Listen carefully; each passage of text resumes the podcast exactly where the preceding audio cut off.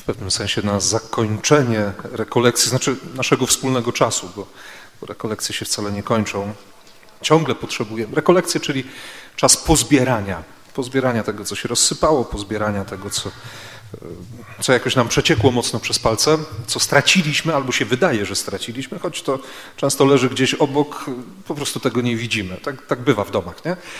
Od czasu do czasu. Szukamy czegoś, szukamy strasznie, nagle się okazuje, że to jest pod ręką. Ja się o tym teraz przekonuję od sierpnia, kiedy, kiedy znalazłem się w zupełnie nowej rzeczywistości, nowej parafii. Tam jest dość sporo do obejścia, jeśli chodzi nawet o dom. E, duży jest ten poziom mieszkalny. Jeśli coś gdzieś zostawię, to się nachodzę rzeczywiście, żeby coś znaleźć. I tak sobie zawsze myślę, że, że to jest dobry czas na rekolekcję dla mnie, żeby pozbierać wiele rzeczy. I dzisiaj, dzisiaj Pan Bóg znów e, zaprasza nas do tego, żebyśmy, żebyśmy pozbierali albo żebyśmy zobaczyli instrukcję, jak się należy modlić. W całej tej dzisiejszej liturgii we wszystkich czytaniach, we wszystkich tekstach, w tych czterech słowach, które do nas dotarły już, czyli fragment Ezechiela, proroctwa Ezechiela, ten psalm 130, e, kilka zdań z listu świętego Pawła, który, który pisał do, do chrześcijan, właściwie no nie tylko chrześcijanie, e, nie tylko z pochodzenia Żydzi, ale też niewolnicy, którzy zaczynali wierzyć Jezusowi po wszystkich perturbacjach za czasów Klaudiusza w Rzymie. Kiedy, kiedy Jezus, e, e, kiedy Paweł pisze list, wiedząc, że, że płynie do Rzymu po to, żeby tam, żeby stamtąd już się nie, nie wydostać nigdzie, żeby tam oddać życie, żeby tam skończyć życie. Mówi o tym, że, no właśnie, powiedział nam tak bardzo, że ci, którzy nie mają w sobie ducha Boga, to nie należą do Boga. No, trochę to ostre jest i, i takie bardzo mocne, a z drugiej strony to nam zadaje konkretne pytanie, czy, czy my wiemy, że mamy w sobie Ducha Bożego? Gdzieś indziej Paweł, znaczy w innym fragmencie, w innym miejscu, będzie mówił, że skoro mamy w sobie Ducha Chrystusa i że jesteśmy świątynią Boga, no to, to trzeba spojrzeć na siebie jak na świątynię. Że z mężczyźni mają trochę mniej takiego zapędu, nie? Z kobietami jest nieco łatwiej, żeby zobaczyć piękne świątynie Boże. To, to nie jest takie trudne. Tak się przynajmniej wydaje na pierwszy rzut oka czasem. A wiemy dobrze, że, że chodzi jeszcze o to, co się dzieje w nas, w środku, w sercu. I tutaj każdy z nas ma dokładnie ten sam start. Bóg, który nas widzi, chce w nas zobaczyć też, chce nas przekonać o tym, że On w nas widzi swoją świątynię że jesteśmy Jego miejscem, Jego mieszkaniem, że, że jesteśmy tymi, w których życiu czuje się dobrze. Czy wiesz, czy zdajesz sobie sprawę z tego, siostry i bracie, że Bóg chce się czuć dobrze w Twoim życiu? Znaczy myślę, że to nic nowego, bo, bo, my o tym często słyszymy. Cały Wielki Post też nam o tym mówi. Słyszeliśmy przez dwa tygodnie temu w tej Ewangelii o, o spotkaniu Jezusa z Samarytanką, że że usłyszała chyba po raz pierwszy od mężczyzny, że, że jest warta uwagi. Nie dlatego, że on w niej zauważył coś, e, co przykuło jego uwagę e, i, i chciał z nią rozmawiać, bo mu się zaczęła podobać. Owszem, byli przy studni, a to było miejsce randkowania. Ale, ale Jezus tam czekał na nią, żeby jej powiedzieć, że tych pięciu, których miała wcześniej, pięciu mężów po kolei, od których właściwie od każdego z nich usłyszała: Nie mogę na ciebie patrzeć, nie, nie jesteś godna mojego spojrzenia. Nie? Czuję obrzydzenie, czuję wstręt, gdy cię widzę. Pięć razy, z szóstym już nie zaryzykowała małżeństwa, tylko, tylko byli ze sobą od tak. E, Jezus przyszedł do tej kobiety, czekał na nią, wtedy, kiedy teoretycznie nikogo nie powinna spotkać, po to, żeby jej powiedzieć: jest ktoś, kto na ciebie patrzy z szacunkiem, kto, kto widzi w tobie, o właśnie, to, czego inni nie widzą. Czy my sobie zdajemy sprawę z tego, że, że Bóg tak na nas patrzy, że to jest Boże spojrzenie? Rekolekcje są też po to, żeby, żeby to uchwycić, żeby pozbierać to. Tydzień temu ten niewidomy, no dzisiaj się w Ewangelii odwoływali Żydzi, nie? Przecież on uzdrowił niewidomego, który nigdy nie miał takiej władzy, nigdy mu się oczy wcześniej nie otwarły. A Jezus go no, sprowokował też do trudnej rzeczy.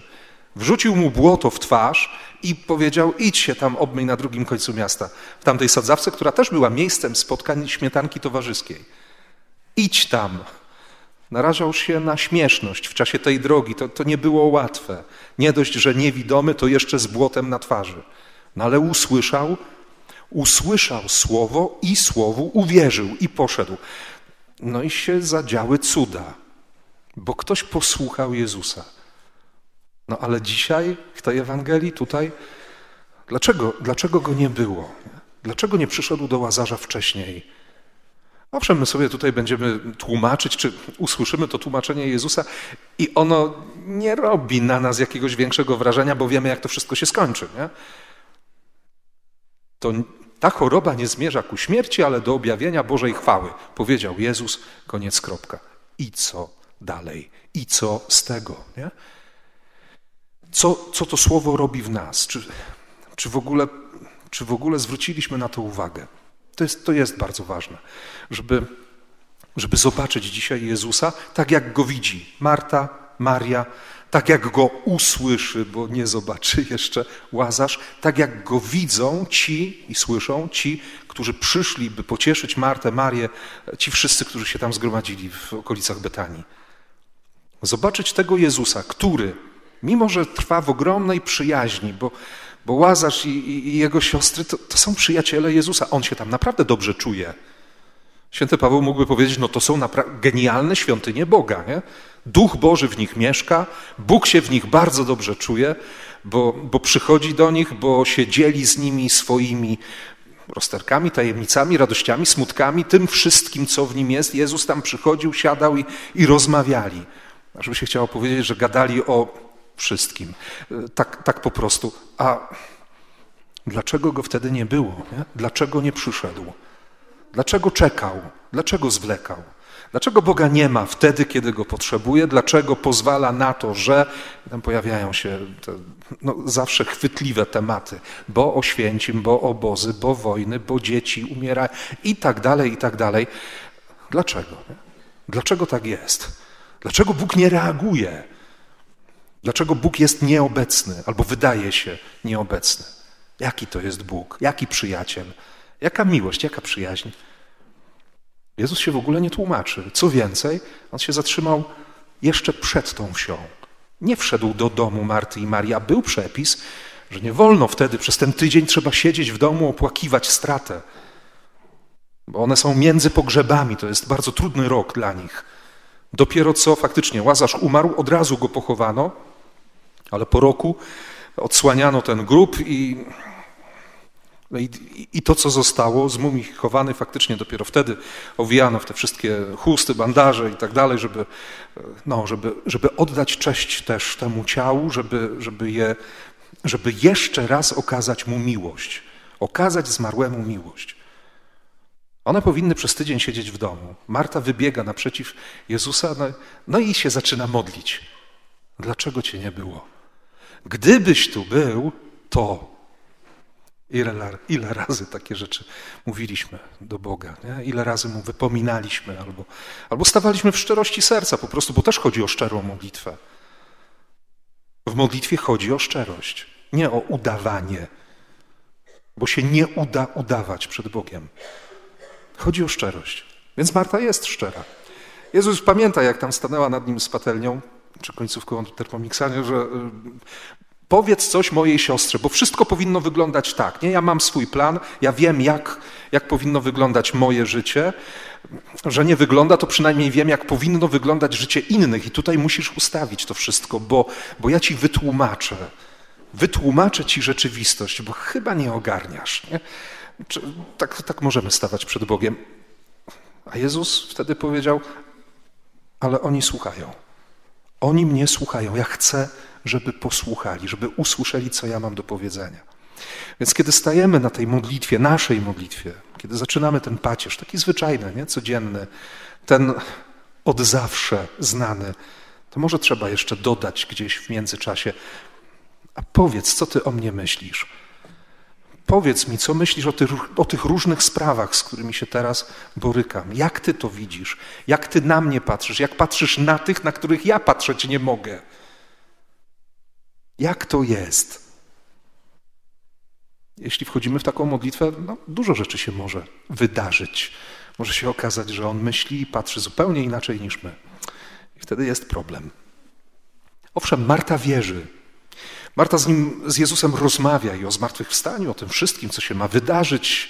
Ona mówi: Tak, ty jesteś Mesjaszem, ja, ja ci wierzę, ja ci ufam, ale mój brat dalej leży w grobie. Nic się nie dzieje. I Marta tak zostawia Jezusa. Z tym niedomówieniem, z tym niedopowiedzeniem, z tą bezradnością, swoją osobistą bezsilnością. Przychodzi do domu, spotyka swoją siostrę i mówi: Tam jest Jezus, on cię woła. Jezus wcale nie chciał się spotykać z Marią, znaczy nie powiedział tego wyraźnie. Marta wpadła na taki fortel, mm, jakiś podstęp, nie? bo oni to się lepiej modlą. Bo ksiądz to na pewno ma lepsze kontakty z Bogiem, nie? Bo wy to macie fory u Jezusa. Czy tak jest? Czy to naprawdę o to chodzi? Czy o to chodzi w modlitwie? Maria przychodzi do Jezusa i mówi dokładnie to samo. Gdybyś tu był, nie było cię. Dlaczego cię nie było? Mogłoby wszystko wyglądać inaczej. Jezus od razu reaguje z jednego prostego powodu. Maria umiała go słuchać. Maria umiała go słuchać. I, i dlatego pojawia się od razu: odsuńcie ten kamień. Panie, cztery dni, lepiej nie zaglądaj. Odsuńcie ten kamień.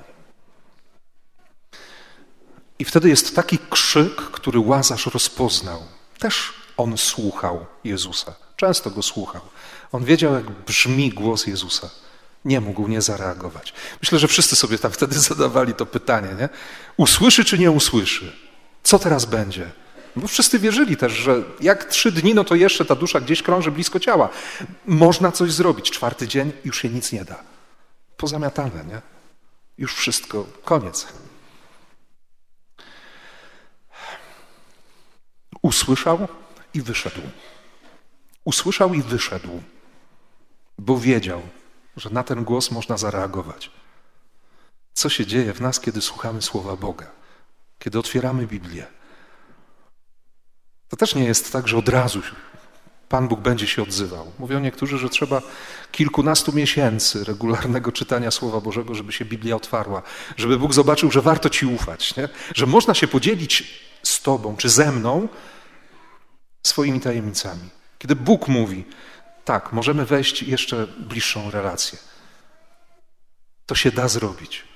On wierzy, że to się da zrobić. Rzeczywiście. Czy my wierzymy? Za chwilę będzie trochę tych pytań o wiarę, bo dzisiaj jest też chrzest, doświadczenie łaski, doświadczenie życia, doświadczenie wyciągnięcia z ciemności. Kiedy chrzczono w pierwszych wiekach, o czym doskonale wiecie, e, chrzczono przede wszystkim dorosłych, ale całe domy, całe rodziny, no to, to ten, który przyjmował chrzest, przez chwilę tracił oddech, bo był prawie podtapiany. Nie? Kiedy wchodził do baptysterium po tych siedmiu stopniach grzechu, kiedy nie wiedział, co, co dalej, kiedy faktycznie umierał, ten pierwszy haust powietrza, kiedy wychodził przed kapłana, kiedy, kiedy doświadczał nowego życia, fizycznie również doświadczał tego nowego życia. Ten pierwszy oddech był faktycznie takim oddechem łaski i zupełnie innej perspektywy. To jest szansa dla każdego z nas. To jest dziś zaproszenie, które daje Bóg. To jest pytanie o to, kim my jesteśmy dla Niego. Za chwilę usłyszymy: Moje umiłowane dziecko. To jest odpowiedź też którą Bóg chce dać Tobie, na pytanie, kim jesteś, kim jestem dla Ciebie. Kiedy pytamy Boga, kim jesteśmy dla Ciebie, On powie, jesteś moim umiłowanym, jesteś moim dzieckiem. Ja naprawdę wiążę z Tobą ogromne plany, nieprawdopodobną nadzieję mam w Tobie. Chcę Ciebie. Pozbierać to wszystko i iść dalej. I nie bać się, że czasami Bóg się wydaje nieobecny. Nie bać się, że się spóźnia. On wie, kiedy przyjść. On wie, co zrobić. Dobrze jest mu wierzyć. Tego Wam życzę. Tego też bardzo życzę sobie, bo, bo się niczym od siebie nie różnimy w tej naszej relacji z Bogiem. Każdy z nas wie, że może lepiej. Bóg wie, że możemy więcej, możemy bardziej. I potem mieliśmy ten czas rekolekcyjny, żeby, żeby sobie o tym przypomnieć, żeby to powiedzieć, żeby to usłyszeć, żeby usłyszeć jeszcze raz od samego Chrystusa, że jesteśmy naprawdę dla Niego ważni, tak jak wszyscy inni, którzy być może dla nas nie są istotni. Może trzeba też inaczej popatrzeć na innych, ale o tym już pewnie albo kiedy indziej, albo tak po prostu w tych kolejnych dniach, tygodniach tego czasu, który jeszcze mamy do Paschy, do, do momentu, w którym wyznamy wiarę, że, że rzeczywiście temu Bogu warto ufać, że z tym Bogiem chcemy iść dalej, że, że ten Bóg jest wszystkim dla nas.